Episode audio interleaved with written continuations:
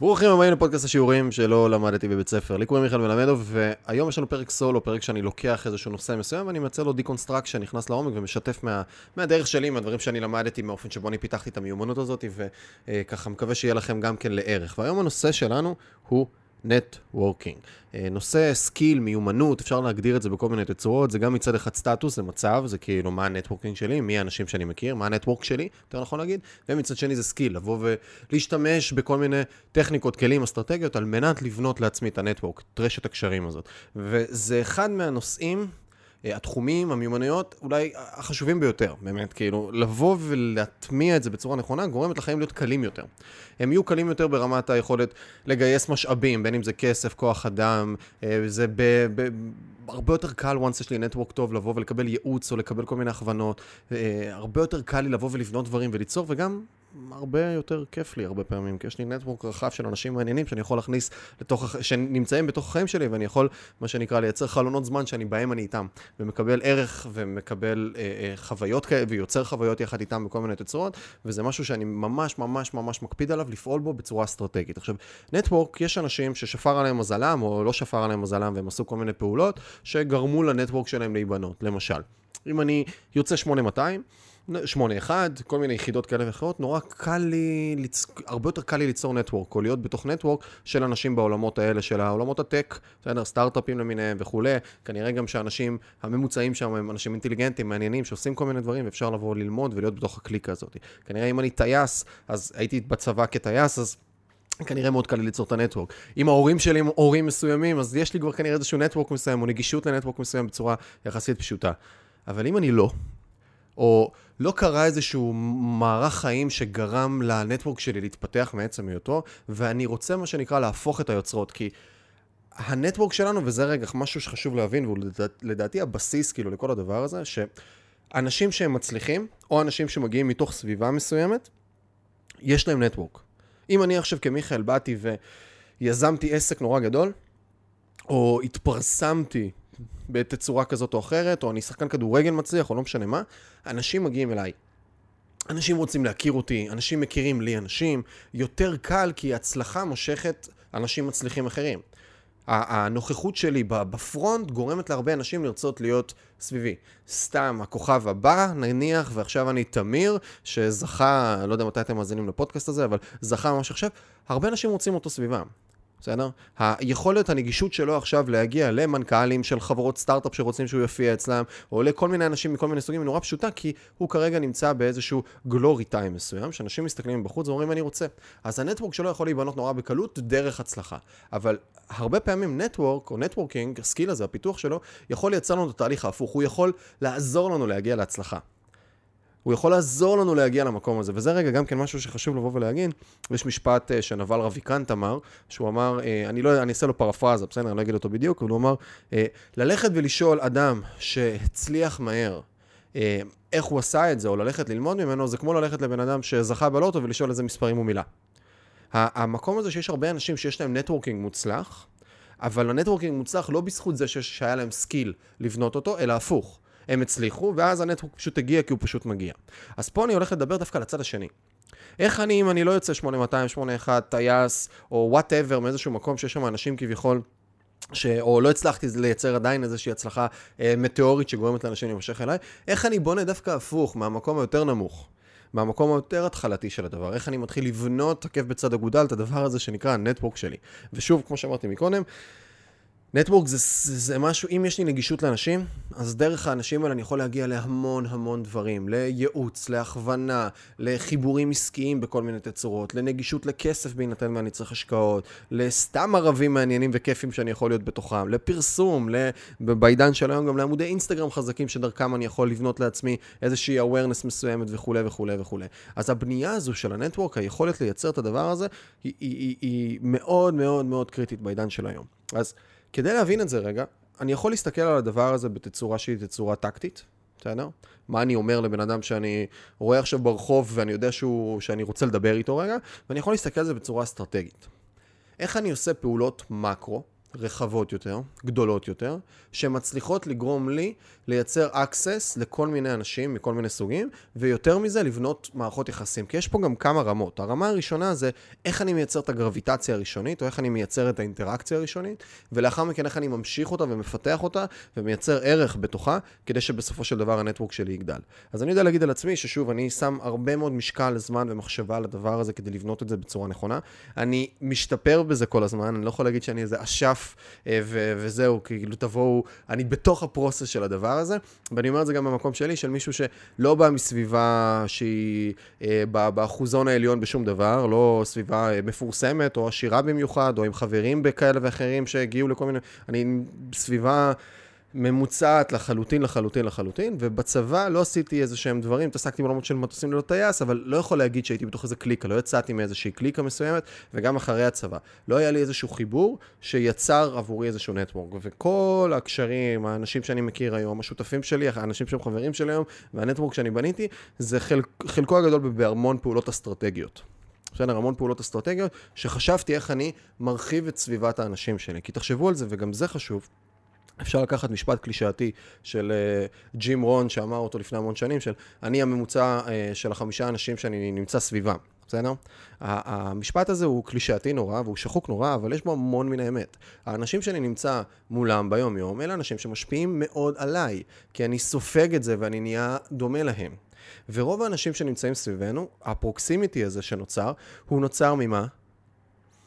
הוא נוצר מסתם מזל ואקראיות. אני, האנשים שנמצאים סביבי, הם אנשים שעבדתי איתם, או הייתי איתם בצבא, או שמו אותם איתי באלף שתיים ולא באלף שלוש.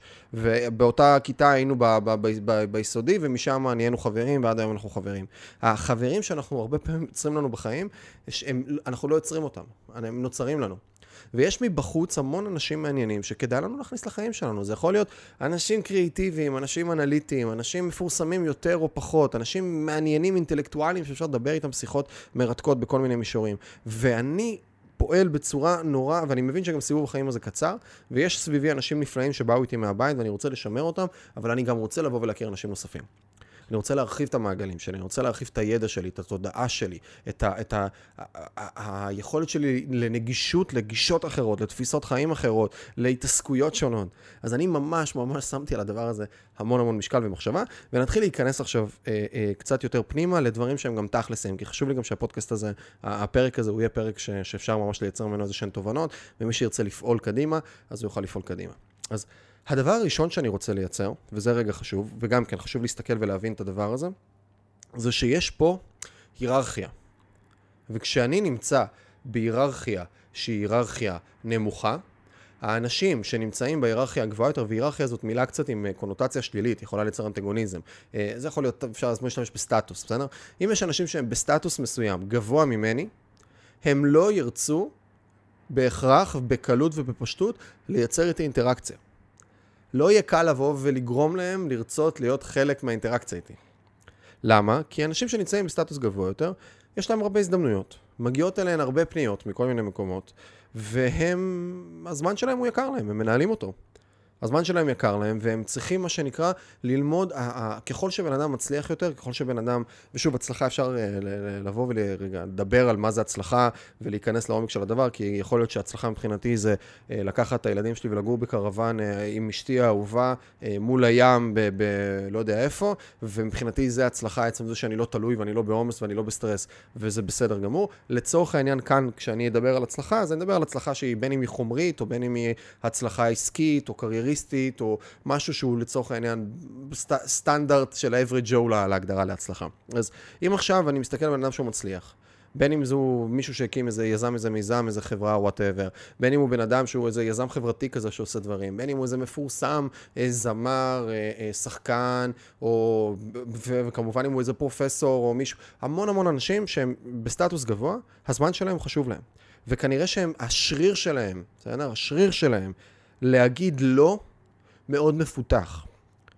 בן אדם בתחילת דרכו הסטטוסיונית, ההצלחתית, הקרייריסטית או וואטאבר, יותר, הוא, הוא הוא לא צריך לאמן את השריר הזה שנקרא איך להגיד לא.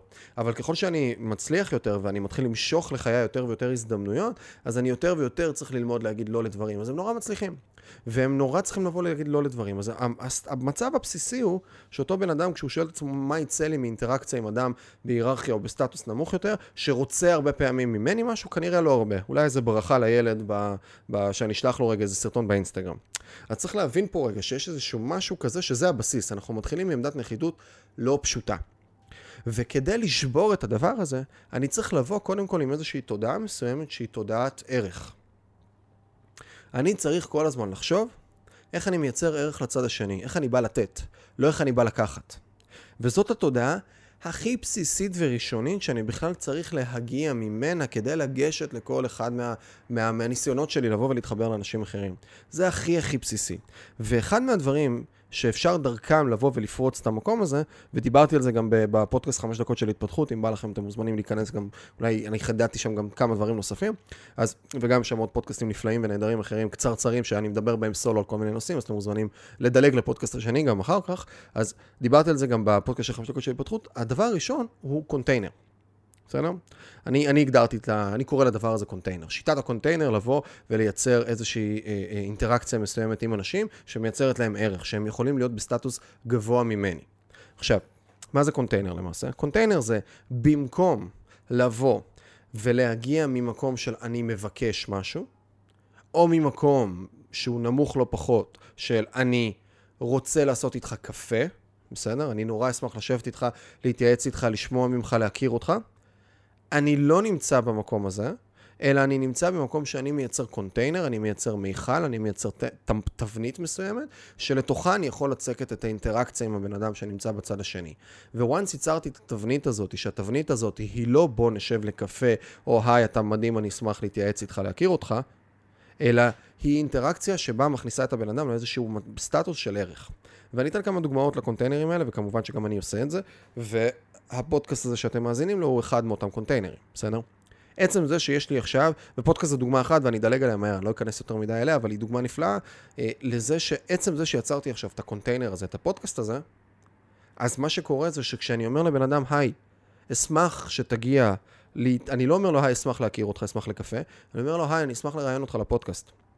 ועצם זה שביקשתי ממנו לבוא להתראיין, ונניח והוא הסכים, זה יוצר עכשיו איזשהו חיבור שהוא, קודם כל הוא, עמוק והוא מעניין, והבן אדם גם בצד השני מקבל ערך באיזשהו מקום, בין אם זה ערך של וואלה, חוויה מגניב לי לעשות פודקאסט, בין אם זה ערך של יאללה בוא נפיץ ערך לעולם, בסדר? ובואו נדבר דרך הדבר הזה, ובין אם זה ערך פרסומי מיתוגי, בהינתן והפודקאסט כבר הופך להיות מספיק חזק ורלוונטי, וכל מיני חומרים שהוא רוצה להשתמש בהם. אז לי מאוד מאוד היה חשוב לבוא ולצור את הפודקאסט, השיעורים שלא למדתי בבית ספר, בדיוק מאותו הטעם. אחת מהסיבות, יש לי כמה סיבות אסטרטגיות לבוא וליצור אותו. אחד זה לייצר ערך לעולם ולקבל פידבקים מאנשים שמאזינים. זה מבחינתי, זה, זה, שוב, אנחנו בסוף חיים הרבה למען הדבר הזה, שאנשים מקשיבים, זה מייצר להם ערך ואנחנו משפיעים וכולי. שתיים, זה המקום הזה של נטוורקינג. וזה, וזה לגמרי שם. עצם זה שאני מביא לכאן אנשים שהם בסטטוס יותר גבוה ממני, אני המארח של המסיבה, וזה חשוב, וזו אנלוגיה יפה של גרי ויינרצ'ק, שכשהוא משתמש בה והוא אומר, אה, אם אני לא מהמקובלים בשכבה, בסדר? אני לא בבית ספר לצורך העניין, או בקולג' או באיזשהו מקום כזה או אחר, אני עכשיו לא ב tier A, אני לא ב-A class, בלמעלה. אני עכשיו ב-B או ב-C, אבל יש לי בית ריק ואני מזמין אל, אליי לעשות מסיבה, אז עצם זה שאני המארח, אני קופץ אוטומטית לסטטוס גבוה יותר ואני יכול להזמין אליי אנשים שנמצאים במעמד גבוה ממני. בכל מיני מקומות. ואנשים שאין לי גם חיבור איתם. אגב, אני לא חייב רק להזמין אנשים שהם במעמד גבוה ממני, כן? מן הסתם אני יכול להזמין אנשים שהם במעמד שלי, אבל אם אני אומר להם בוא נשב לקפה, הם לא מבינים כאילו מה אני רוצה, אבל אם אני אומר להם בוא לפודקאסט, אז הם לגמרי לגמרי מבינים. אז עצם זה שאני פתאום המארח של הדבר, והפודקאסט הוא דוגמה, ואני אתן כמה דוגמאות נוספות תכף עוד, אז עצם זה שאני המארח, אני יכול לפנות לאנשים שהם רמי מעלה, או בסטטוס אחר כזה או אחר, ואני יכול להביא אותם אליי. ואז אני יוצר גם אינטראקציה בלתי אמצעית כזאת של שיחה. גובה עיניים, שאלת שאלות, אנרגיה מסוימת, ואחרי הדבר הזה יכולים לצאת המון קשרים והמון דברים. עכשיו אני אגיד, ואני אשים פה כן איזושהי כוכבית מסוימת, אם אני לא פועל נכון אחרי הפודקאסט ולפני הפודקאסט, ואני לא עושה כמה דברים, כל מיני דברים של סגירת קצוות, אז הסבירות שיצא קשר מזה שבן אדם בא להתראיין אצלי היא נמוכה. אבל אם אני מצליח אחרי ההסכמה של הבן אדם להגיע לקונטיינר שלי, בדוגמה הזו פודקאסט, אני מצליח לייצר איזשהו פולו-אפ נוסף, אז כבר דרך הדבר הזה יכולה להיבנות איזושהי מערכת יחסים. אז אני אתן לכם דוגמה אצלי, נגיד סתם, אני יכול להיפגש עכשיו, אה, אני יכול להתראיין, המון מהאנשים שיצא לי לראיין הם כאילו הפכו להיות חצי חברים או כל מיני דברים נוספים שקרו, אבל אני יכול להתראיין עכשיו ולראיין איזה מישהו, ואז בקצה אני יכול להגיד לו, תקשיב אחי, אני חושב שמשהו שאתה עושה באיזשהו מקום, הוא לא מספיק חד, ואני יכול לדעתי לייעץ לך ולעזור לך ולהכווין אותך באזור הזה. אם, אם מעניין אותך, אפשר לעשות איזה, איזה קפה, ואני כאילו אציע לך, אני אציג לך קצת איך אתה יכול לעשות את זה טיפה יותר טוב. סתם, אני נותן דוגמה, זה למשל אני כמיכאל, שיש לי אייג'נסי ויש לי כמה חברות שמתעסקות בעולמות של שיווק, מכירות, נדל"ן וזה, אז אני יודע לבוא ולגשת, בסדר? לאותו בן אדם ולתת לו ערך בצד הזה, של שיווק, של מכירות, של צד עסקי יותר. אז הרבה אנשים שהם בעולמות, לצורך העניין, האמניים יותר, יצא לי אחר כך לעשות איתם פולו-אפים בהקשרים האלה העסקיים. אז אני עדיין, ושימו לב, ואמרתי את זה מקודם, אחד, הזמנתי אותם לפודקאסט, אז יצרתי איזו הדדיות כזאת מסוימת, ושתיים, הצעתי להם ערך אחר כך. לא אמרתי להם, אחי, אני אשמח אה, אה, למשהו ממך, או אני אשמח לבנות מערכת יחסים וקשר. אלא אני אומר להם, בוא נראה איך אני יכול להמשיך לעזור לך. זה ה framing, זה ה context שאני מגיע מתוכו. והמקום הזה של שלח לחמך, יש בו המון המון אמת, וקרמה זה דבר פרקטי וזה חוזר. עכשיו, אני לא אומר אה, שכל דבר שאני עושה הוא מאיזה אינטרס. אני גם חייב ליהנות מהדרך, כן? אנשים שמגיעים לכאן, יש אנשים שהם אחלה והם יכולים לקדם אותי או לייצר לי כל מיני פתיחת דלתות, או זה, אבל הם לא, לא עבדו לי ברמה האישית, כל טוב, כיף, להתראות. אני לא מחפש את זה, וגם בפודקאסט אני חייב גם ליהנות ממנו, לקבל ערך נוסף ממנו. זה לא רק, רק, רק, רק המשימתיות הזאת של הנטוורקינג ושל קשרים ושל דברים. זה חייב לבוא, וגם אחר כך, כאילו, אני לא יכול רק להיות במקום של, אה, עכשיו נתתי לו, אה, אה, יצרתי לו ערך, קבעתי איתו פגישה, יעצתי לו מה לעשות בעסק שלו, ועכשיו אני רוצה שהוא יחזיר לי את זה באיזה מקום אחר. אם, אם באים עם הכוונה הזאת, מרגישים אותה. זה לא יכול להיות שם. זה צריך להיות באנרגיה, ואני אגיד משפט שאני, אני, תמסגרו אותו רגע ב, ב, בראש שלכם, תנו לו רגע את המחשבה, את הדקה. אתם חייבים לבוא מהמקום של אני טוב מעצם היותי לתוך האינטראקציה. אני בזכות עצמי והכל טוב. זה לא שאתה מעליי או מתחתיי או לא משנה מה, אלא אני, יש לי את הדרך שלי והכל טוב אצלי, אני אשמח לתת לך ערך. אני לא מחפש, מחפש שום דבר בתמורה, אני לא רוצה שום דבר. מעצם זה שאני טוב מעצם היותי, אני, יש לי את המקום לתת. כי מי יודע לתת? לא בן אדם הישרדותי. בן אדם הישרדותי מחפש לקחת. אז כשאני מכניס את האנרגיה הזו לתוך החדר, לתוך האינטראקציה. אני יודע אחר כך גם להמשיך דרך הפולו-אפים לאחר האינטראקציה בתוך הקונטיינר, אני יודע להמשיך אחר כך לייצר איזשהו ערך נוסף ולהביא אנרגיה נכונה לתוך החדר, ושימו לב, זה גם... וזה נכון לגבי הכל, כן? לגבי זוגיות, לגבי מערכות יחסים עם חברים, לגבי עובדים. אני רוצה לייצר לעובדים שלי, וזה חידוד חשוב מה שאני נכנס אליו עכשיו, אני רוצה לייצר לעובדים שלי את ההרגשה, ואני בכוונה אומר עובדים, שאני לא צריך אותם. ואני רוצה שהעובדים שלי, ואני לוקח עובדים, אבל זה מן הסתם רלוונטי לכל, רוצה שהם ירגישו שאני רוצה אותם. אני רוצה שבזוגיות שלי אף אחד, לא אני ולא הבת זוג שלי, ירגישו שאחד מאיתנו צריך את השני. אנחנו רוצים, אנחנו בוחרים אחד בשני. אז גם בנטוורקינג הזה, גם בנטוורקינג הזה, אני רוצה לבוא וליצור, לייצר אנרגיה לצד השני של אני רוצה מערכת, אני רוצה קשר איתך, או הייתי שמח אולי לאיזושהי אינטראקציה מסוימת, אני רוצה גם לתת לך ערך. לא צריך אותך. אשמח. וכשמגיעה האנרגיה הזו, וכן, כן, לא, לא, והכל בצ'יל, כאילו. וכשאני מגיע ממקום הזה של נתינה אמיתית, אני מייצר אנרגיה, מנתינה אמיתית וממקום חזק, אז אני גם מייצר אנרגיה של פול, ולא אנרגיה של פוש. והרבה פעמים בחיים אנחנו מייצרים המון המון אנרגיה של פוש ואנחנו רוצים, וכשאנחנו לוחצים, אז הדבר הזה, הצד השני מתרחק. וזה כאילו מצחיק, יש אנלוגיה יפה שאני אוהב להשתמש בה, שמעתי אותה מחבר טוב מאבי קאופמן, הוא אמר לי פעם, אה, שני אבא ובן הולכים בים, אה, והילד, אה, הבן כל הזמן מבקש מאבא, אבא אני רוצה את הפלייסטיישן, אבא אני רוצה את הפלייסטיישן, אני רוצה את הפלייסטיישן, הוא יצא ולכל חברים יש, ואני רוצה את הפלייסטיישן, אני רוצה את הפלייסטיישן, אני רוצה את הפלייסטיישן, ואז אבא אומר לו, טוב, תקשיב, עצור רגע, תרים חול, תחזיק אותו ביד, ועכשיו תלחץ אותו חזק, חזק, חזק. מה קורה לחול? החול מתחיל לברוח לו בין האצבעות. ואז הוא אומר, ככה זה בחיים. כשאתה לוקח חול, ואתה, או כשאתה לוחץ על משהו נורא נורא נורא חזק, הוא בורח לך בין האצבעות. צריך לשחרר. קח את החול, תפתח אותו. ובהינתן ואין רוח, אז גם החול עומד במקום ברוגע, בנחת. אז גם פה, המקום הזה של יצור הפול הזה, הוא מאוד מאוד מאוד חשוב, וזה תדר, זה משהו תודעתי, שהוא בא לידי ביטוי גם במלא דברים וטכניקות ו- ושפה שאנחנו משתמשים בה למול הבן אדם בצד השני, אבל זה כן צריך להיות. אז once יצרנו ואם אני מסתכל על הדבר הזה שנקרא Network, אני מסתכל עליו כשלבים, once יצרנו את פתיחת הדלת הראשונית למערכת יחסים, נניח דרך קונטיינר כזה או אחר, אז השלב השני הוא לראות איך אני מייצר ערך ואני מייצר פולו-אפ לאינטראקציה הראשונה. ואחרי זה יש עוד הרבה דברים נוספים, כמו איך אני מייצר כל מיני נקודות uh, קשר uh, קטנות וכולי. לא ניכנס לזה עכשיו, בסדר? יש... Uh, אני בדיוק חושב אולי לעשות איזה, איזה קורס שלם כזה, איזה כמה שעות טובות על הדבר הזה, ו, ואולי לעטוף אותו באיזה זווית מסוימת, ו... כי יש מלא מלא קטנות כאלה שאני עושה, אבל נשים את זה רגע בצד. אז אחר כך יש עוד כל מיני דברים. עכשיו אני חוזר רגע לקונטיינר. אז בקונטיינר יש אה, משהו, בסדר? יש משהו שאפשר לעשות דבר, קונטיינרים נוספים. אז נתתי דוגמה לקונטיינר אחד שזה הפודקאסט, שזה אחלה מבחינתי, ולא צריך לעשות כל ה production המשוגע הזה ש, שיש לנו כאן, כן? אולפן, ומצלמות, ולהביא, וזה, אפשר הכי פשוט לקחת איזה מקלט כזה של זום H6 ושני מיקרופונים, אה, אה ב-500 שקל כל מיקרופון, ולקחת איזה משרד באיזה מקום ולהקליט, כאילו, וזה יהיה לגמרי סבבה, ולמשהו ראשוני זה יכול להיות אחלה. אז אני מציע לא להפיל את זה על העניין הלוגיסטי, לחשוב על זה, זה אחד. שתיים, זווית אחרת שאפשר לעשות בקונטיינר, זה לייצר, בסדר? זה לייצר איזשהו משהו שהוא אפילו פשוט יותר. נגיד, אני כותב בלוג, ובבלוג בכל פעם אני מארח אמן או יוצר אחר. אני מארח מישהו אחר ואני עושה איתו רעיון. אז אנחנו עושים רעיון שהוא, אני מגיע אליך, ואני 45 דקות בפחות או יותר מראיין אותך, ואז זה עולה לבלוג ואני מפיץ את זה בכל מיני מקומות וכולי וכולי. אז אני נותן את זה כדוגמה נוספת. אה, קונטיינר נוסף יכול להיות, וזה יכול להיות שאפילו זרקתי את זה מתישהו, מתי שאני רוצה לעשות את זה, זה לכתוב אה, ספר. אני נגיד, אה, מעניין אותי להיכנס לעולמות הטק, לעולמות הסטארט-אפים, אז אני הולך לכתוב ספר. אה, אני לא יודע אם זה יקרה או לא, אבל זה כן מחשבה שעברה לי בראש וגיבשתי אותה קצת.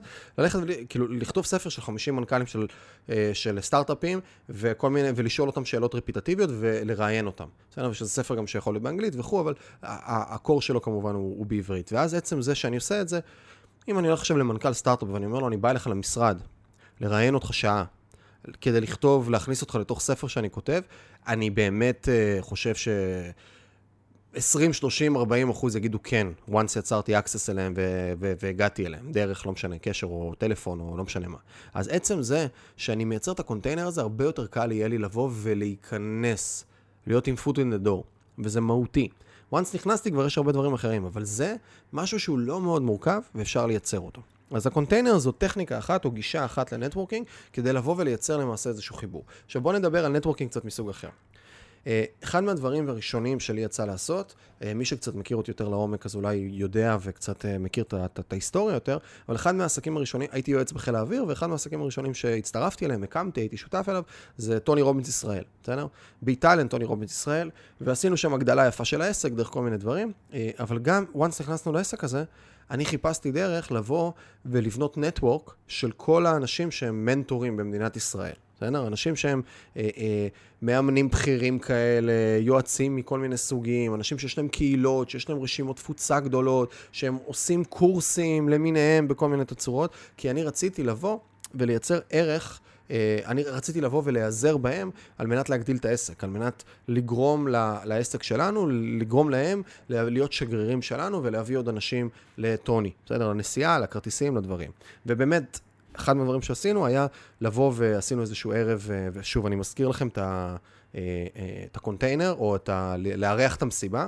אז אחד מהדברים שעשינו שם, זה היה לארגן, לקחת, לקחנו את הוויסקי בר בשרונה. זה בר כזה מגניב לגמרי בשרונה בתל אביב, ו... וויסקי ללא הגבלה, יחד עם מנה ומנה ככה, יש שם אוכל מהמם, מנה חבל הזמן, ועשינו ערב שם. עכשיו, כשבאנו ופנינו לאותם אנשים ואמרנו להם, ההוא מגיע וההוא מגיע, ויצרנו איזושהי דבוקה ראשונית של שלושה, ארבעה אנשים שגם הבאנו מקשרים אישיים, ואז כל פעם כשפנינו לבן אדם החמישי, השישי, השביעי, אמרנו, גם ההוא מגיע, גם ההוא מגיע, גם ההוא מגיע וגם ההוא מגיע, ואז הצלחנו לייצר איזושהי היררכיה כזאת שהיא כאילו פתאום, אה אוקיי, זה אחלה מסיבה להגיע, וגם זה מקום יוקרתי, וזה אחלה מנות והכל, אז יאללה, בוא נלך ונגיע ונראה מה יש להם להגיד. אז עצם זה שיצרנו איזשהו אירוע כזה עם ערך, ושמנו כסף, הם לא שילמו שום דבר, מעצמנו, זה גם כן יצר את החיבור הראשוני הזה, ופה, זה היה כמו שאמרתי מקודם, זה היה לחדור תעשייה ספציפית, שרציתי בתוכה לבנות מערכות יחסים עם אנשים שעשויים לבוא ולעזור לנו בצד העסקי, בסדר? שת"פים, זה היה מקום עסקי יותר, שמתוך הדבר הזה, מתוך הערב הזה, ועוד כמה דברים נוספים שקרו, נוצרו גם כן היכרויות, שחלקן הפכו להיות חברויות, וחלקן הפכו להיות שת"פים, וחלקם הפכו, לפ... היה גם כמה אנשים שמשם דיברנו איתם על הצטרפות לעסק בכל מיני תצורות. זה יצר איזשהו ברנד אווירנס בתוך תעשייה נורא מהר. אני אתן עוד דוגמה מבלי להשקיע הרבה כסף ולהביא איזשהו ערב או משהו בסגנון. דבר נוסף שיצא לי, אה, עכשיו אני ספציפית במקרה הולך לעשות אותו, בסדר? אה, אבל גם כל מיני דברים אחרים עשיתי. אני יכול לקחת ולייצר ערך לאנשים בתוך התעשייה שלי. נגיד, אני אתן דוגמה. אני אה, נמצא בכמה חברות שמתעסקות בכמה דברים. אחת מהחברות האלה זו אמלין מדיה, שהיא אייג'נסי של דיגיטל.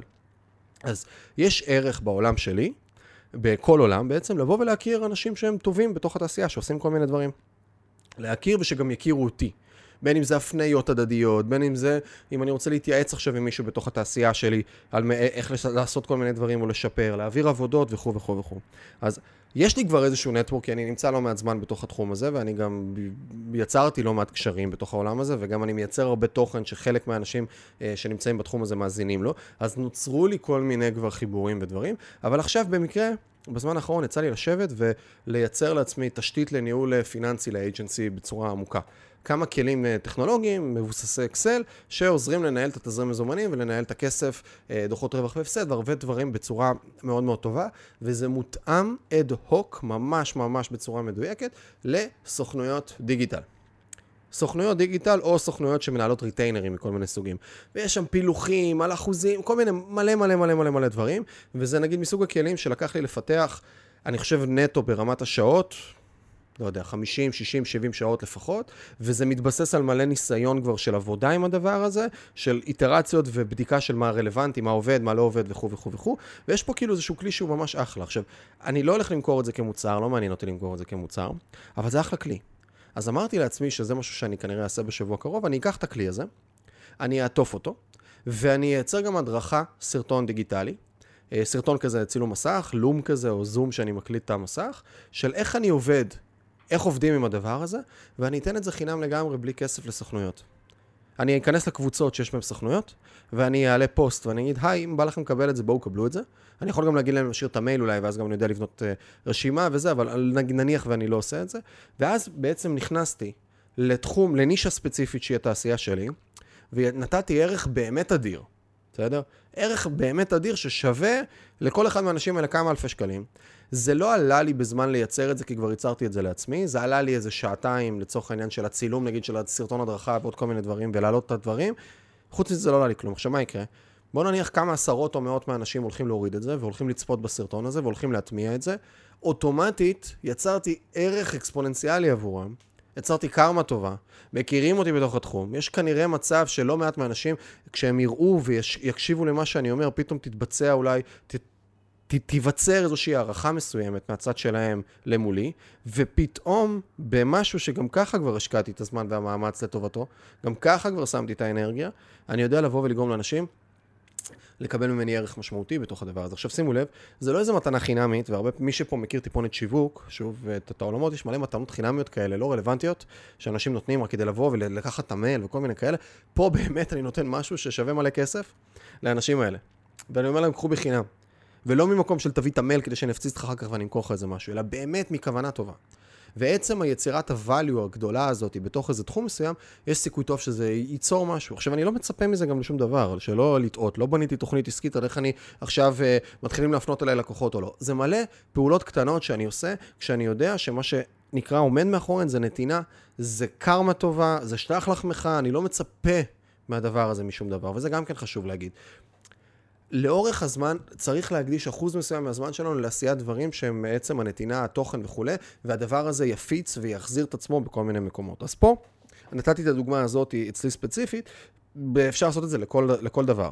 וזה לא יכול להיות אקסל פיננסי, אני פשוט צריך לבחור את הנישה או את התעשייה שאני רוצה להיות בתוכה, אני רוצה לק... שיכירו אותי בתוכה, אני רוצה לייצר ערך בתוכה, ואז אני צריך לשאול מה היה מעניין אותם, וליצור איזשהו ערך כזה או אחר. זה, שוב, זה משתנה בין מקום למקום, בלי, ושימו לב, זה חשוב, בלי אג'נדה למכור להם משהו בקצה. כי אם נתתי את האקסל הזה, ואז בדף תודה או בכל מקום אחר אני מתחיל למכור להם איזשהו משהו, זה כבר לא אותו דבר. זה כבר לא אותו דבר. ויש אה, בחור בשם גרי ויינרצ'ק, שמקודם הזכרתי אותו במקום הזה של ה-A class והכיתות והבית ריק וכל הדברים האלה של הקולג' והחבר'ה. אה, אחד מהמשפטים, או ספר, הוא כתב שזה ממש ספר, ואג'נדת חיים שהוא חי לפיה, זה jab, jab, jab, right hook. הוא אומר, זה כמו באגרוף שנותנים אגרוף קצר, אגרוף קצר, אגרוף קצר, ואז hook, בסדר? אגרוף וו. והוא נותן את האנלוגיה הזאת למקום של נתינה, נתינה, נתינה, ואז בקשה. הוא אומר, רוב האנשים באים ממקום אחר. הם באים ממקום של אה, אה, בקשה. אתה תבוא ממקום של נתינה, נתינה, נתינה, ובסוף אתה יכול גם לבקש, לא לקחת. וזה גם כן דיוק חשוב. אז אני אפילו לא מדבר על הג'ב, ג'ב, ג'ב, רייט הוק. אני מבחינתי, באנרגיה, בגישה, ג'ב, ג'ב, ג'ב, ג'ב, ג'ב, ג'ב, ג'ב, ג'ב, ומדי פעם באיזשהו מקום לבוא ולבקש משהו. אז זאת גישה נוספת אנרגיה נוספת, שאני יודע לבוא ולייצר איזשהו ערך, אבל ערך אמיתי לעולם, לתחום, לתעשייה ספציפית, ודרך הדבר הזה לגרום לאנשים להכיר אותי. עכשיו, גם כשאמרתי שאני אתן את האקסל הזה, אחד הדברים שכן היה לי חשוב, היה לי חשוב לבוא ולשים שם סרטון הדרכה שלי. כדי שיראו את הפרצוף, שישמעו את הכל, ואין מה לעשות. כשאתם מקשיבים לי עכשיו, אז תחשבו מתחילת הפודקאסט הזה כמה דברים זרקתי, שנותנים איזשהו קונטקסט על מי זה מיכאל, כן? על החברות, על הדברים, הייתי יועץ בחיל האוויר, הקמתי את הזה, עשיתי את הפה, עשיתי את השם. עצם זה יוצר עכשיו איזשהו קשר עמוק יותר ביניכם לביני. כי אתם מכירים, אתה, אני לא בא ומעביר לכם הרצאה באוניברסיטה שהיא לא פרסונלית, שהיא לא אני. שאני מעביר עכשיו איך הצטקים כבשו את הזה, והיו, וכמה התפרסה הממלכה שלהם, ובאיזה שנים זה קרה, במדינת ישראל, לא, בארץ ישראל, באזור של ישראל וכו' וכו', זה לא, זה לא שם. מה שאני כרגע עושה, זה אני מדבר על עצמי. אני מעביר לכם את התוכן דרכי. וכשאני יודע לבוא ולייצר את הדברים האלה, אז אני גורם לצד השני להתחבר להרבה אלמנטים אליי ולייצר מערכת יחסים מסוימת ואכפתיות מסוימת מהפרסונה שנמצאת בצד השני, וזה הרבה מהמהות של הדבר הזה, נטוורקינג. עכשיו, אם נגיד עשיתי את האקסל הזה ואני זז ממנו ואני נותן עוד איזושהי דוגמה נוספת, עוד שנייה, אם נגיד עשיתי את האקסל הזה או יצרתי איזושהי הדרכה אחרת או איזה משהו אחר, זה יכול להיות אפילו, תחשבו סתם, בעבר גם כן עשיתי את זה קצת, לקחתי מערכת כמו Trello ו ClickUp, ויצרתי שם איזה מערכות אה, ניהול משימות, ויצרתי שם הדרכות על איך לבוא ולהשתמש במערכות האלה, והעליתי את זה.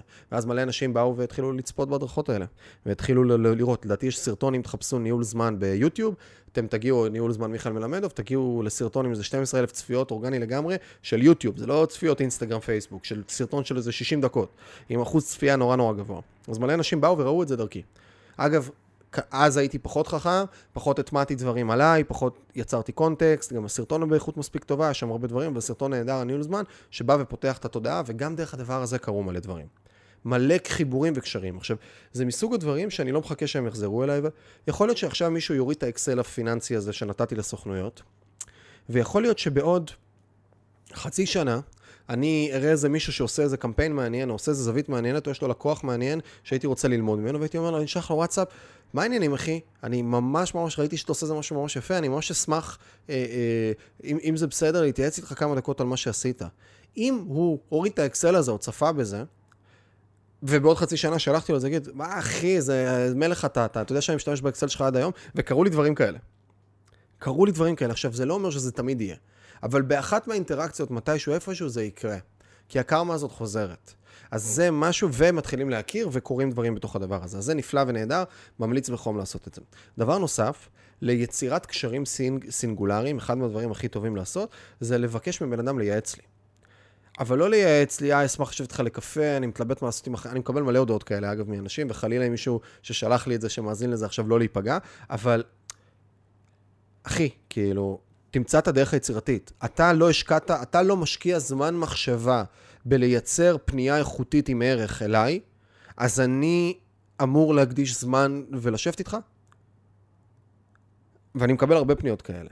אז פה, וזה רגע גם כן דבר שהוא, שהוא מעניין, אני לא רוצה לפנות לבן אדם להי, אשמח לייעוץ ממך, אלא אם כן אני מוכר, או הוא מכיר אותי, או יכול להיות שאיזשהו חיבור, ואני אומר לו גם, אחי, נראה לי שנחמד יהיה לנו להכיר, אלא אני אומר, אחי, אני אשמח לקנות בכסף ייעוץ ממך.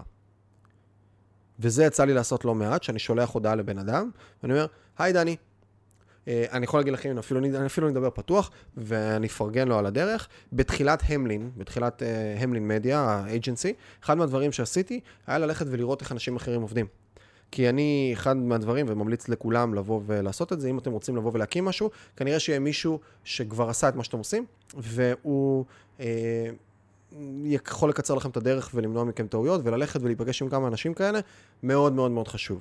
אה, ואני עושה את זה כמעט בכל, בכל דבר שאני חדש שאני רוצה לעשות, אני מדבר עם אנשים ואני מקצר לעצמי את הדרך. אז בתחילת הדרך פניתי לבחור בשם מוטי סחרי, שהוא המון המון שנים היה יועץ עסקי כזה מוכר, שהיה עושה כנסים, ממלא סדנאות, ולפני כמה שנים הוא פתח אייג'נסי שקראו לה, שקראו לה וקוראים לה עדיין business wizard.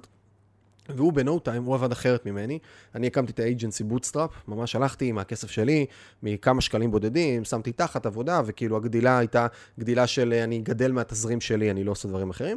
מוטי עשה דבר אחר, גייס כסף, וישר לקח משרדים גדולים, ולקח עובדים, ולקח הרבה אנשים נוספים, והוא צריך לבנות מערכת גדולה וחכמה בזמן יחסית קצר. בסדר? ובתוך התהליך הזה שהוא עשה, אני באתי ופניתי אליו ואמרתי לו, היי אחי, אני רוצה לפתוח אייג'נסי. אני נורא נורא נורא אשמח לקנות שעתיים, שעה, שלוש שעות ייעוץ שלך בכמה שתתמחר את זה, וללמוד ממך. עשית עבודה, נראה שאתה עושה עבודה מדהימה מבחוץ, אני חושב שיש לי הרבה מה ללמוד ממך, אה, ואני חושב שזה יהיה לי מאוד מאוד אה, נחמד לבוא, ואני אשמח לשלם על זה גם כמובן על הזמן. עכשיו, שימו לב. מה התשובה שלו הייתה? תבוא אחי, לא צריך כסף. ויותר מזה, אני גם בודק עם הסמנכ"לית תפעול שלי, אם uh, היא תהיה פנויה, ונעשה רגע, גם, uh, גם היא תצטרף אלינו. זאת הייתה האנרגיה.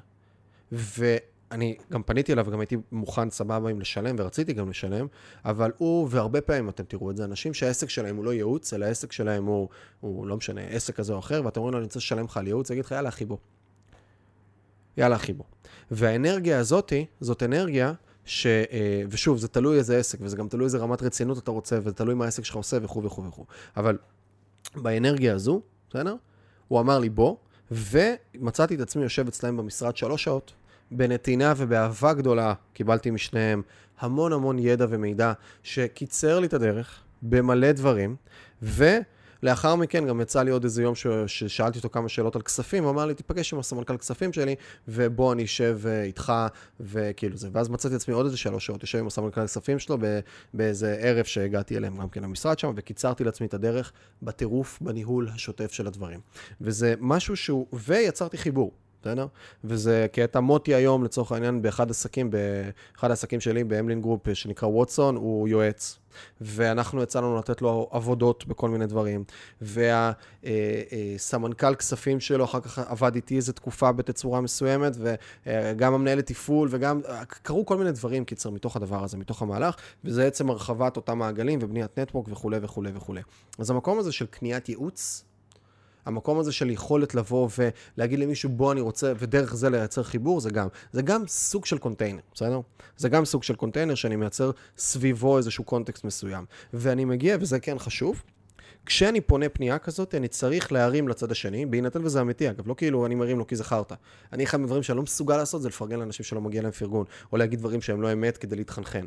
אני אחפש דברים שהם אמיתיים בבן אדם, שאני מרגיש בנוח לבוא ולהגיד אותם, ואני אגיד כמה דברים, ואני אעשה קצת מחקר, וזה גם כן הרבה פעמים אנשים לא עושים. אני לא פונה לבן אדם בלי שעשיתי מחקר. אני אחפש ואני אסתכל רגע על דברים ספציפיים נקודתיים שהוא עושה, וגם ההודעה שלי תהיה כמה שפחות גנרית. כי כשבן אדם, וזה, יש עיקרון הדדיות בעולם, בסדר? אם אני מדבר עכשיו מול בן אדם, והבן אדם שמדבר מולי הוא מדבר בקול גבוה, כנראה שאני אשווה את הקול שלי לקול שלו. אם אני נמצא מול בן אדם והוא מדבר בטמפו, כנראה שאני אתאים את הטמפו אליו. אז אותו דבר כאן, כשאני כרגע נמצא מול בן אדם ואני שולח לו הודעה גנרית, הסבירות שהוא יתעלם ממנה הרבה יותר גבוהה. כי הוא מרגיש בתת מודע שהצד השני לא השקיע זמן, והוא גם מרגיש בגנריות, עצם הגנריות זה אי השקעה וזה גם התעלמות כזאת, וזה גם אתה לא מכיר אותי מספיק. אבל אם עכשיו הצד השני בא ובדק וראה שב-2019 הוא העלה פוסט בפייסבוק על איזה משהו ספציפי שהציק לו, או על איזה הצלחה שהם עשו בחברה שלו, או איזה שיר שהוא הוציא לרדיו וזה היה פגז וזה עבד, או אני רואה שהוא מנגן בערב וזה משהו בסגנון, אז אני אקח עכשיו ואני אשלח הודעה שהיא לוקחת את האלמנטים האלה, של היי מוטי, אני בתחילת הדרך, או אני נמצא באיזושהי נקודה שבה אני, יש לי המון שאלות בנושא מסוים, ו... אתה, את השאלות האלה נראה שפתרת ופתרת בגדול, וגם הדברים שאתה עושה הם מדהימים בעיניי, וכאילו באמת, היכולת שלך לייצר את מה שאתה, שאתה יודע לייצר היא נורא נורא לא טריוויאלית, בטח בהינתן וככה וככה וככה, ונורא הייתי שמח להגיע אליך אה, למשרד, לקנות ממך ייעוץ, שעה, שעה וחצי, חצי שעה, מה שאתה יכול לתת באמת, אני מאוד מאוד אשמח, כי אני חושב שאתה תוכל לעזור לי המון ולקצר לי את הדרך, וחוץ מזה גם, כאילו, ממש נראה לי היה נחמד אה, לבוא ואולי גם לנגן איתך איזה שיר שם בגיטרה שיש לכם שם, שראיתי כל הזמן בתמונות של, של המשרד שאתה לוקח ומנגן, בסדר? סתם, אני, כמובן שזה היה קשפוט של רגע ובלי מחשבה ובלי כלום, אבל ספציפית, נגיד מוטי מנגן על גיטרה, תמיד הייתה לו גיטרה בזה, ואם הייתי היום שולח את ההודעה, הייתי שולח אותה בהקשר כזה. הייתי גם מוסיף איזה משהו שהוא אישי, שמראה בבן אדם בצד השני, שוואלה, הוא הסתכל קצת, הוא ראה, הוא בדק, הוא מכיר אותי, הוא מבין אותי, והוא בא ממקום הזה. יותר קשה להתעלם מהודעה כזו, מהודעה של, אה, היי, אה, מוטי, אני נורא אשמח אה, לבוא ולהתייעץ איתך, לשבת איתך לקפה, והכי גרוע, או לבוא ואפילו גם לכתוב, היי, אשמח לקנות מכם ייעוץ, בסדר? זה המקום, כי, כי ככל שהבן אדם נמצא גבוה יותר, גם פחות מעניין אותו למכור ייעוץ, והוא יותר כאילו ירצה לעזור, זה יגיע מהמקום הזה. אז זה גם כן משהו נוסף. שאפשר לבוא וליצור ולצקת לתוך הדבר הזה. אה, אז זה כמה קונטיינרים וזה כמה כיוונים וזה כמה חיבורים ראשוניים שאפשר לבוא ולעשות על מנת ליצור את ה networking האלה. וכמובן, כמובן, כמובן, שבסוף, ככל שאני, ההתחלה היא יותר מאתגרת, once כבר יצרתי איזושהי, איזושהי רשת מסוימת ומערכות יחסים ראשוניות בסיסיות, מזה להתקדם קדימה ולהגיע לחיבורים נוספים כבר יותר קל. כבר הרבה יותר קל. כי אני יכול להגיע דרך מישהו לאנשים. וזה טיפ שהוא די מובן מאליו, אבל uh, ההבדל, ההבדל בין לייצר, לשלוח הודעה קרה לבין לייצר הודעה דרך חיבור, הוא הבדל של, לא יודע מה, פי 5, 6, 7 סיכויי הצלחה לייצר כל דבר. אז הדבר הראשון, אם אני רוצה להגיע לבן אדם ספציפי שאני עושה, ושוב אני אומר לכם, זה לא שאני תמיד מצליח. נגיד, לא מזמן יצא לי לבוא ולמפות איזה שמונה אנשים שאני צריך לייצר איתם איזשהו חיבור עסקי, בסדר? ומתוך השמונה האלה הצלחתי רק עם שניים לייצר פולו-אפים, או אפילו, אחד אפילו לייצר פולו-אפ, בסדר? ולמשהו שיש סיכוי גם שיקרה, אבל רק עם אחד. ועשיתי את הפניות. ואני אגיד לכם אחד מה, למה, למה נגיד זה רק לאחד הצלחתי מתוך השבע? כי לא הצלחתי למצוא את החיבור דרך מישהו לשבעה האחרים. מספיק טוב אחד. אז אני אתן לכם את הדוגמה לזה. אם אני עכשיו מייצר, בסדר? אינטראקציה. אה, אם אני עכשיו מייצר אינטראקציה עם מישהו, או רוצה ליצור אינטראקציה עם מישהו, אחד מהדברים הראשונים שאני אעשה, אני אכנס אליו ללינקדאין, ואני אכנס אליו לפייסבוק, ואני אכנס אליו לאינסטגרם, ואני אחפש קשר משותף של בן אדם.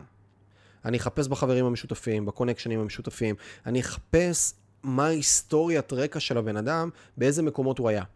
באיזה מקומות הוא היה ומי אני מכיר משם שאולי יכול להכיר אותו. אני אעשה איזושהי עבודת מחקר לא קטנה, שוב, בהינתן וזה קשר חשוב לי, עבודת מחקר לא קטנה, כדי להבין רגע מה הרקע של הבן אדם ומאיזה מקום אני יכול לתקוף את היצירת אינטראקציה הראשונית. וכמובן אני גם אחשוב על מה הקונטיינר הראשוני. וכמובן שאני אחשוב על עוד כל מיני כלים נוספים שאני ארצה לעשות בתוך התהליך הזה. כי לשלוח לבן אדם הודעה, היי דני, אני אשמח ל... זה משהו אחד. לשלוח לבן אדם, היי דני, קיבלתי את הטלפון שלך מאבישי, זה כבר שיחה אחרת לגמרי. כי יש לו איזושהי מערכת יחסים עם אבישי, ואם אבישי יפנה אליו מישהו, לא יהיה לו נעים לא לבוא ולענות, או גם אם יהיה פה ריג'קט, אבל החיבור הוא מהותי. אז תמיד, תמיד, תמיד אני רוצה לייצר את החיבור דרך, את המקום דרך.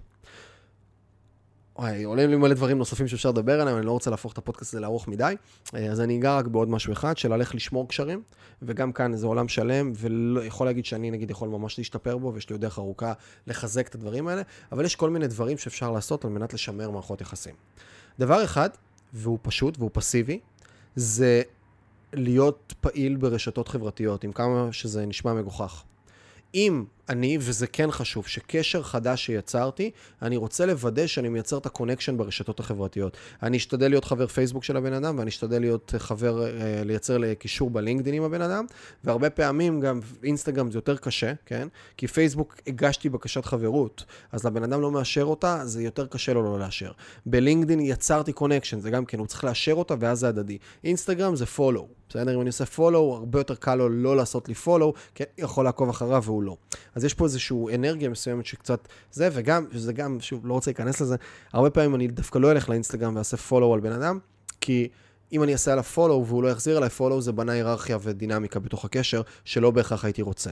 אז רק אם יצרתי ממש חיבור טוב עם הבן אדם, אני אעשה עליו את ה follow הזה, או אני אדבר איתו אפילו על זה בצורה כזאת או אחרת, ואני יכול ליצור את החיבור. אבל לרוב, פייסבוק ולינקדאין כן. למה אני רוצה את הדבר הזה? כי זה נשמע מגוחך, כאילו, מה אנחנו ילדים? יש לזה impact. עצם זה שאנחנו עכשיו יצרנו את החיבור הזה, ואנחנו הולכים להתחיל להעלות תוכן, או אנחנו הולכים להעלות פוסטים, אנחנו הולכים לשתף stories מהחיים שלנו, כל מיני דברים, הבן אדם בצד השני, ההיכרות שלו איתנו, הזהות, החיבור, גדל כל הזמן בצורה פסיבית. הוא זוכר שאנחנו קיימים. דמיינו עכשיו שנפגשתם עם איזה בן אדם לפני שנה, שנה וחצי, ואז שלחתם לו פתאום איזו הודעה באמצע out of nowhere לאיזה משהו בעוד שנה וחצי, ולא דיברתם כל התקופה הזאת, הרבה פעמים בכלל לא יזכור אתכם. ותחשבו גם שאנחנו מדברים, תזכרו, אנחנו מדברים על האינטראקציה הראשונית, כן? יש את האינטראקציה הראשונית של הקונטיינר או whatever, אם אחר כך לא עשיתי משהו, יש סבירות נורא נמוכה שהבן אדם אפילו יזכור את השם שלנו. אתם יודעים כמה אנשים אומרים בפודקאסט שאני בטוח שאם אני אשלח להם הודעה עכשיו והם יגידו, תזכיר לי את השם רק? ישבתי איתם שעתיים פה, דיברנו על החיים, נכנסנו לעומקים, חשפו בפניי דברים שבחיים הם לא חשפו, אבל בסוף הם לא הזכירו את השם, למה? כי לא נוצר חיבור אחר כך. אז פה אני רוצה את הפסיביות הזאת של ה social, לבוא ולייצר אותה. ואז שאני מעלה stories נגיד, ואותו בן אדם שהיה אצלי בפודקאסט לפני שנה, בממוצע רואה story אחד, שניים, שלושה שלי בשבוע, לאורך תקופה של שנה, המערכת יחסים בינינו היא חזקה והוא מכיר הרבה דברים עליי, בין אם הוא רצה בזה או לא, בין אם עשיתי פעולות או לא עשיתי פעולות. וזה הכי קל. זה הכי קל ברמת החיבור, זה לא קל מן הסתם לבוא ולשתף כל הזמן ולייצר תוכן ו- ולגרום לאנשים להתעניין ב story שלנו ולגרום לדברים. זה גם כן skill ומיומנות שמצחיק, אבל היא חשובה בעידן הזה. בסדר? אני נגיד יודע עליי, ושוב, זה, אני משתף פה, אני על הפנים ב stories. אני בן אדם של מיילים, אני בן אדם של לכתוב תוכן, אני בן אדם של לעשות סרטון עכשיו, לדבר 50 דקות לבלבל את המוח. אני נורא קשה לי לבוא ולשתף כל דבר שאני גם כאילו בז לזה באיזשהו מקום פנימי עמוק, של לבוא, לקחת, להוציא את הטלפון, להראות מה אני אוכל עכשיו, להראות עם מי אני מדבר ועם מי אני נמצא, לצלם תמונה שאני באיזה מקום, כאילו, זה, זה משהו ש... אה, סיימתי פגישה, אה, הגעתי למשרד מוקדם, אה, סיימתי במשרד מאוחר. כאילו, זה כל מיני דברים ש... אה, התאמנתי היום. נראה לי מגוחך. אבל זה חלק מאיזשהו דריל מסוים שאני מכניס אנשים לתוך החיים שלי ואני מאפשר להם להכיר טיפה יותר אותי ויש לזה ערך. יש לזה ערך ואני אשתדל לעשות את זה ואני אשתדל לעבוד על הדבר הזה כי זה איזשהו בניית נטוורק, כאילו זה חיזוק נטוורק או חיזוק קשר בצורה פסיבית, צורה טובה. אז זה דבר אחד שהוא יחסית לא מורכב. דבר שני, אני יכול לחשוב על יצירת ערך, ושוב, כל הזמן המוטיב המוביל זה איך אני מייצר ערך. למשל, אחד מהדברים שפעם הייתי עושה את זה יותר, היום אני לא, מצ... לא מספיק להגיע לזה, אני אומר את זה, ולפעמים זה קורה לי אינטואיטיבית, אבל זה כלי שהוא באמת מדהים. אחד מהדברים שפעם היה לי, היה לי עוגן שבועי, בין אם זה ביומן או בין אם זה איזה משימה מחזורית שקופצת, שבעוגן השבועי הזה מה שהייתי עושה, הייתי עובר על רשימת אנשים, יש לי אפילו חצי, חצי מתבייש, חצי לא מתבייש להגיד את זה, אבל יש לי, כי השקעתי בזה מלא זמן ובסוף לא באמת הבאתי את זה לידי ביטוי. בניתי במערכת שקוראים לה איירטייבל, בניתי ממש מפת נטוורקינג וקשרים גדולה של חיבורים ותחומי עניין וכל מיני דברים, והתחלתי ממש באינטראקציות חדשות עם אנשים, להזין את הפרטים שלהם באיזה פורום כזה בטלפון, ואז אחר כך נהייתה לי ממש כבר רשימה של אנשים לפי סגמנטים, תחומי עניין, רמת עניין שלי חברית, רמת עניין שלי מקצועית למולה, כל מיני דברים כאלה שיש בפנים כבר, ואז כבר ממש לבנות איזשהו נטוורק, וגם היה לי איזה ריטואל שהייתי עוצר וחושב, עובר על הרשימות האלה ושואל את עצמי למי אני יכול לשלוח תוכן עכשיו. למי אני יכול לשלוח איזה מאמר שקראתי בזמן האחרון שיכול להיות לא רלוונטי אולי ומעניין? למי אני יכול לשלוח איזה, איזה סרטון, איזה רעיון, איזה, איזה משהו שאני יכול לבוא ולייצר לו ערך בתוך החיים שלו, בסדר? שם קוד לא יודע, דורון מדלי גם כן היה אצלי בפודקאסט פעמיים, נוצר בינינו קשר חברי, אה, נפגשנו כמה פעמים בכל מיני מקומות אחרים ומדי פעם מסתמסים, שוב, איש מקסים וחיבור כזה שהוא חיבור מיוחד, ודורון, נגיד אחד מהדברים שבעבר עבר לי הרבה בראש, זה כל פעם כשהייתי אה, אה, שומע איזה משהו חדש, מיוחד, זה, הייתי שולח לו, דורון כתב, כאילו, הוא פזמונאי מה, מהגדולים בארץ, כתב המון המון המון המון שירים, ו... כל פעם שמצאתי איזה משהו, אז הייתי שולח לו. הייתי שולח לו, והייתי, בין אם זה שואל את דעתו, אומר לו, וואי, ראית, כאילו זה הייתי, וזה מגיע, שוב, ממקום אינטואיטיבי, כן? ספציפית שם זה לא אסטרטגי, זה היה, וואלה, מגניב לשמוע גם את דעתו וגם להכיר לו כל מיני דברים. אז זאת דוגמה למשל לאיזה קשר שנוצר, ואז הקטנות האלה יוצ... פותחות אינטראקציות. הקטנות האלה פותחות כל מיני דברים קטנים. ראיתי משהו, אני משתף. אז בעבר הייתי ממש עושה את זה אסטרטגית, יושב בצורה נהלית ומסתכל על האנשים ושולח להם כל מיני דברים. היום כבר קצת פחות, גם לא מגיע לזה וגם הרגיש לי טיפה טכני, אבל זה לגמרי בסדר לבוא ולעשות את זה.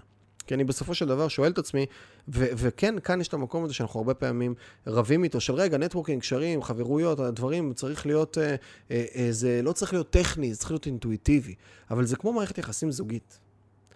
אם יש לי בת זוג או בן זוג, מאוד כדאי שאני אקבע איתם ערב בשבוע שהוא ערב קבוע שלנו ליציאה, למרות שזה טכני, ולמרות שזה לא אינטואיטיבי. שכל יום רביעי זה רביעי זוגי, ואנחנו ביחד ברביעי הזה, ואנחנו הולכים לאיזה מקום, כל פעם מקום אחר. כן, זה טכני, כן, זה ביומן. אבל זה גורם לזה לקרות. הטכני הזה גורם לדבר הזה לקרות וגורם לקשר, לקשר להיבנות. אז מבחינתי זה יושב בדיוק על אותו משקל, על איך אני מייצר את הדבר הזה. אז זו דוגמה אחת של אני יכול לייצר ערך ולשלוח תכנים בכל מיני דברים. אז דיברנו על הדוגמה הפסיבית, דיברנו על דוגמה אקטיבית. דבר נוסף שאני יכול לעשות, זה כמו שאמרתי מקודם, את הפולו-אפים. של איך אני יכול לייצר ערך לבן אדם בתצורה כזאת או אחרת. זה משהו נוסף. ודבר רביעי, שזה משהו שעכשיו אני מתחיל לעשות, ואני אומר את זה גם כן בריש גלי, אני לא מספיק חד בזה עדיין, אבל זה משהו שהתחלתי לעשות. לא מזמן עברתי דירה, עברתי לדירה שהיא דירה פנן, קצת יותר, דירה מפנקת שכיף לארח בה, לארח בה, ו, אה, ועם מטבח ככה, יופי, ואני גם נורא אוהב לבשל, אז אחד מהדברים שהתחלתי לעשות בזמן האחרון, זה להזמין לארוחות ערב. אחרי יצירת אינטראקציה מסוימת, ובהינתן והצלחתי לבנות כימיה וחיבור מספיק טוב ומעניין, וכבר נראה שיש רצון מצד שני הצדדים לבסס פה משהו, לייצר פה איזושהי מערכת יחסים שאולי טיפה יותר, להתחיל להזמין לארוחות ערב, וזה משהו שאני משתדל לעשות אחת לשבוע, להגיע אנשים, יש פה גם עניין, ושוב, משתף קצת בחיים האישיים, נורא מד... מדיטטיבי עבורי בלבשל שעתיים, שעתיים וחצי ככה בפוקוס על הדבר, ולארח אנשים, יש גם משהו באוכל הזה נורא נורא קמאי, נורא נורא נורא ביולוגי, נורא כזה ממקום אבולוציוני של אני מאכיל, אני נותן לך את הדבר שגורם לך שבלעדיו אי אפשר לחיות, ואני יצרתי והשקעתי ועשיתי, יש בזה משהו כאילו זה, ובבית שלי אתה מגיע, אז זה, זה משהו ש...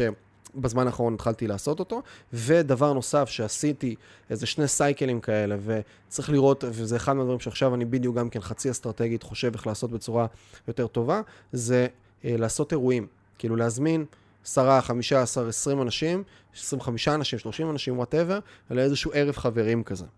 ובצורה consistent ית לבוא ולייצר שם איזושהי תנועה מסוימת. עכשיו, אני כבר אומר, זה לא היה לי קל, הזמנתי כל מיני אנשים אליי לדירה, היה בערך משהו כמו 20 ומשהו אנשים, עשיתי כאלה, עשינו כאלה שני, עשיתי כאלה שני סיבובים, וזה משהו שאני הולך להשקיע בו קצת יותר מאמץ, ואני רוצה לייצר איזושהי אנרגיה של אחת לחודש נפגשים אצלי חברים, זה כאילו ידוע. להגיע לא, לאירוע של מיכאל. עכשיו, זה נשמע מגוחך והכל, אבל זה סופר אסטרטגי. עכשיו, זה נורא קל אם אני עכשיו אה, יוצא, שוב, אה, יוצא איזה כוכב נולד, איזה, או אני עכשיו איזה יזם אה, הייטק שבדיוק הנפיק את החברה שלו בבורסה, או אני עכשיו איזה איש עסקים, או, או לא משנה מה, או איזה דוגמנית, או זמר מפורסם, זה הרבה יותר קל. כי אנשים רוצים להימשך לזה באינטואיט, באינסטינקט שלהם. אבל אם אני היום רוצה לבוא ולבנות את זה מיותר מ ground up, מה שנקרא, מלמעלה למטה, ולייצר אליי את החיבורים, והיום שוב, בנקודת זמן שאני נמצא בהיום זה כבר יותר קל, כן? זה כבר הרבה יותר קל ממה שזה היה פעם, והיום זה כבר הרבה יותר גם מגיע ממקום אינטואיטיבי וכיף, ולהכניס את האנשים. אז אחד מהדברים, זה בדיוק גם כן איזשהו כלי נוסף של לבוא ולהיות המארח של המסיבה. כמו שאמרתי, גם דיברתי על זה מקודם בכל מיני הקשרים. של לייצר איזשהו אירוע.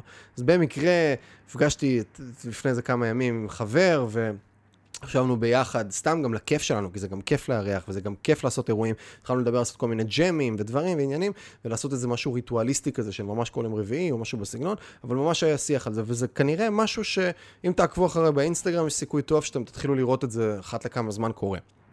יחסית הרבה אנשים מגיעים עם איזשהו מיין תמה מסוימת, תמה מרכזית מסוימת, שאפשר לבוא ורגע להתחבר אליה. אז גם הדבר הזה, ושוב, כל האנשים שאני אוסף לאורך הדרך, בתוך הקונטיינרים האלה, אני יכול לבוא ולהזמין אותם לתוך העוגנים האלה, ואז זה הרבה יותר קל. ושימו לב, החיים שלי פתאום הופכים להיות קלים יותר. למה? כי אם אני עכשיו מיכאל, ויש לי ניוזלטר שנקרא חמש בחמישי, והניוזלטר הזה נשלח אחת לשבוע, ובתוך הניוזלטר הזה יש הרבה מהאנשים שיצרתי איתם את ה network ואת הקשרים. אז בצורה פסיבית אני, מח... אני משמר איתם מערכת יחסים חד צדדית שלא דורשת ממני הרבה מאמץ. אני, פ... אני חבר או נמצא איתם ברשתות החברתיות והם עוקבים אחריי והם רואים את הדברים שאני עושה, זה צורה פסיבית שתיים. שלוש, יצרתי לעצמי את העוגן ואת הקונטיינר הזה של הפודקאסט, והפודקאסט הוא דוגמה יפה, ועכשיו אני אגב הולך להקים פודקאסט נוסף של סטארט-אפים, ואני מדבר עליו כבר איזה שלושה חודשים, אבל שני חבר'ה שרציתי להקים איתם את זה ביחד, בסוף זה לא קרה, אני כנראה אביא מתישהו שותף שלישי לאירוע הזה, ואז זה מתישהו יקרה, אבל אם יהיה את הפודקאסט של הסטארט-אפים, זה קונטיינר נוסף להכיר אנשים בתוך העולמות האלה ולבנות שם את הנטוורק. אז אני, יש לי את העוגן הזה, שכל שבוע אני פוגש בין בן אדם אחד לשניים חדשים שלא הכרתי עד היום, שאני מגיעים אליי לפודקאסט ואני מנהל איתם שיחה ואני פותח מערכת יחסים חדשה. ומן הסתם גם, טיפה יותר קל לי להביא היום אנשים, ממה שהיה לי בהתחלה. בהתחלה הייתי צריך לדפוק על 20 דלתות כדי שאחת תיפתח, היום כנראה שפחות, והיום כבר גם הרבה מהדברים לא אני עושה, בסדר? כבר יש צוות, כבר יש אנשים שכבר יותר קל ברמת הזה. אז יש לי את הפודקאסט שהוא קונטיינר נוסף. יהיה לי את הקונטיינר הנוסף, יהיה לי את העוגן הנוסף הזה של האירועים אצלי, בסדר? או ארוחות ערב, כמעט רביעי קבוע שיש ארוחת ערב שמגיעים אליי אנשים, ואחת לחודש לבוא ולהביא קבוצה גדולה יותר של אנשים לאיזה משהו שקורה. אז פתאום נהיים לי עוגנים, ודיברתי, אם אתם זוכרים, בתחילת הפרק, על הדבר הזה שנקרא networking, ואיך אני מייצר דרכו, איך אני בונה אותו בצורה אסטרטגית, כדי לגרום לדברים לעבוד בצורה קונסיסטנטית. ולא כל הזמן, ולא להיות ספורדי, לא להיות מה שנקרא, אני עושה דברים בצורה אינטואיטיבית, לא עקבית, לא קונסיסטנטית. פה פתאום יצרתי לעצמי כל מיני עוגנים שיותר קל לי דרכם לבוא ולשמר את הדבר הזה בצורה קבועה. שתרוץ על עצמה ותרוץ על עצמה ותרוץ על עצמה. ודבר נוסף שאפשר לעשות בתוך כל הדבר הזה, זה גם לייצר תוכן בכל מיני תצורות. עצם זה שאתם, מי שעכשיו מקשיב כאן, יש כאן חבר'ה בני, ומרגש אותי לראות את זה הרבה פעמים, חבר'ה בני 18 שמקבלים, כאילו עכשיו בדרך לבית ספר, בדרך ל, ל, ל, ללימודים בבית ספר הוא מקשיב לזה, או היא מקשיבה לזה, ויש פה אנשים שהם, כאילו, לא יודע מה, רמי מעלה שכבר עברו דבר אחד או שניים בחיים שלהם, יש אנשים שהם בכל מיני מקומות, וגם כאן יש אנשים שבסופו של דבר הם חיבורים לכל מיני דברים. וזה גם כן חלק מהעניין, היצירת תוכן הזאת, וזה גם איזשהו כלי לנטוורקינג. אז זה בגדול איזושהי הסתכלות הוליסטית על הדבר הזה. אפשר להיכנס פה לעוד מלא מלא מלא דברים, ואיך מנסחים, ואיך עושים, ואיך פה, אבל חשוב לי לסכם את כל הדבר הזה. ואגב, יותר קל מהכל זה לכו תצליחו, לכו לאח גדול או משהו כזה, ומשם, ואם אתם אחלה חבר'ה, אז אה, או הישרדות, ואז אחרי זה כבר יהיה לכם יותר קל. אבל בהינתן ולא הייתם בהישרדות, אז כל הדברים האלה הם, הם דברים שיש בהם את היכולת לבוא ולהכניס אותנו, לייצר לנו את המעגלים המעניינים האלה בכל מיני רמות. ועוד דבר נוסף, אני אגיד, יש גם כל מיני פורומים. שלא בהכרח כזה קל להיכנס אליהם, כי כבר צריך קצת יותר track record וניסיון. אני למשל נמצא בפורום שנקרא פורום אקסימוס, שיש שם המון אנשים סופר מעניינים מעולמות ה tech, מעולמות הבידור, מעולמות זה, מנכ"לים של כל מיני חברות, שכבר... החיבור אגב לפורום הזה היה דרך זה שהזמנתי את מנכ"ל ביימי, אה, תומר כהן, שהוא היה, שהוא עשה את הפודקאסט, אה, הוא הזמנתי אותו לפודקאסט השיעורים, והוא ייסד את הפורום הזה של אקסימוס, ודרכו יחד עם אה, אסף אזולאי, סמנכ"ל, סמנכ"ל שיווק של בנק הפועלים, ודרך החיבור הזה עם תומר, גם נכנסתי אחר כך גם לאקסימוס, וגם שם יש איזה שהם חיבורים מסוימים. אז גם כן כאן, יש איזה משפט כזה מצחיק, אני לא זוכר מי אמר אותו, של אני לא רוצה להיכנס למועדון ש, שמסכימים להכניס אותי אליו, כאילו, שיש פה איזה פרדוקס כזה, אבל גם הפורומים האלה, המועדונים האלה, הקלאבים האלה, אלה מקומות לחיבורים מאוד מעניינים. וגם בפורומים האלה אני יכול היום לפנות לכל אחד ולהגיד לו, בואו נשב לקפה, וזה סבבה, וזה נחמד, וזה אחלה, אה, אבל הרבה יותר חזק להגיד לו, בוא לפודקאסט. שזה יהיה החיבור.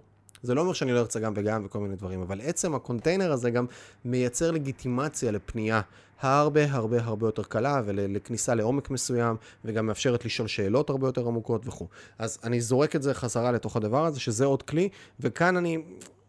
אני מסתכל על זה ממש כמו שיווק, כאילו, יש לי תנועה, יש לי traffic, איך אני מייצר אנשים שייכנסו אליי כביכול, לאתר, לדף נחיתה, ל whatever, ויש לי את הקונטיינר שזה האופן המרה, שבו בסופו של דבר אני פוגש את הבן אדם. ואחר כך יש לי את ה follow-up ים ואת כל התהליכים קדימה. ואני אסכם את כל הדבר הזה, שיכול עכשיו מישהו מהצד לבוא ולהקשיב לזה ולהגיד, תשמע אחי, זה טכני נורא מה שאתה מדבר. זה לא יכול להיות טכני. כל מה שאני אומר עכשיו זה קחו את האנלוגיה של הרביעי זוגי, זה פשוט אני מייצר את החללים כדי להביא את עצמי בצורה אינטואיטיבית וטבעית בסוף. אם יש בן אדם מולי שאין לי חיבור איתו, אז אין לי חיבור איתו. לא משנה אכפת לי מי הוא, שהוא יהיה אילון מאסק מבחינתי או ג'ף בזוס. אם אין חיבור ולא מצליח לבוא ולייצר שם, אני לא עושה שום דבר טכני. ואני לא אעיק על מישהו בלשלוח לו כל הזמן דברים. אני צריך לייצר פה איזה שהם חיבורים שהם חיבורים אינטואיטיביים, שהם חיבורים נעימים, שהם חיבורים נכונים, שמגיעים מאיזשהו מקום טוב. ובסופו של דבר, כן, יש כאן איזושהי משימה מסוימת, לבנות מארג של, של, של קשרים, שאני יכול דרכו לייצר לי חיבורים נוספים וכולי. אנחנו חיים במדינת ישראל. אנחנו חיים במדינת ישראל. מדינת ישראל היא מדינה שדרך, בגדול, כל, דרך שני אנשים אני יכול להגיע דרך כמעט לכל בן אדם. דרך שני אנשים אני יכול להגיע כמעט לכל בן אדם. צריך להבין את זה. ואם אני בונה, מצליח לבנות את השכבות האלה בצורה נכונה, ההתקדמות קדימה הרבה יותר קלה. זהו חברים, מקווה שקיבלתם ערך. אם קיבלתם ערך, אז קוראים לי מיכאל מלמדו, ואם לא קיבלתם ערך, אז אתם יכולים לקרוא לי בשם אחר. ואם בא לכם לקבל אה, ערך אה, נוסף במייל, כמו שאמרתי מקודם, חמש בחמישי, זה מייל שאני שולח כל שבוע, אה, עם חמישה דברים שיצא לי להיחשף אליהם בשבוע האחרון, זה יכול להיות פודקאסטים, רעיונות, זה יכול להיות ציטוטים, זה יכול להיות תמונות, זה יכול להיות אה, כל מיני דברים שאני, תמונות אני לא שולח, אבל זה ציטוטים וכל מיני דברים נוספים שאני יכול ככה לבוא ולאסוף במהלך השבוע. אני מאגד את זה לניוזלטר אחד, בלי איזה מכירה או משהו כזה, אלא לגמרי נטו ערך. כל יום חמישי הוא נשלח, ובמקביל תקבלו עדכונים על הפודקאסטים. אז אם אתם צופים בזה ביוטיוב, אתם מוזמנים פשוט להשאיר את הפרטים בזה, ואם אתם אה, לא צופים בזה, אלא מאזינים לזה בספוטיפיי, זה או באפל או ב whatever, אז תהיו חברים, תעשו subscribe וגם...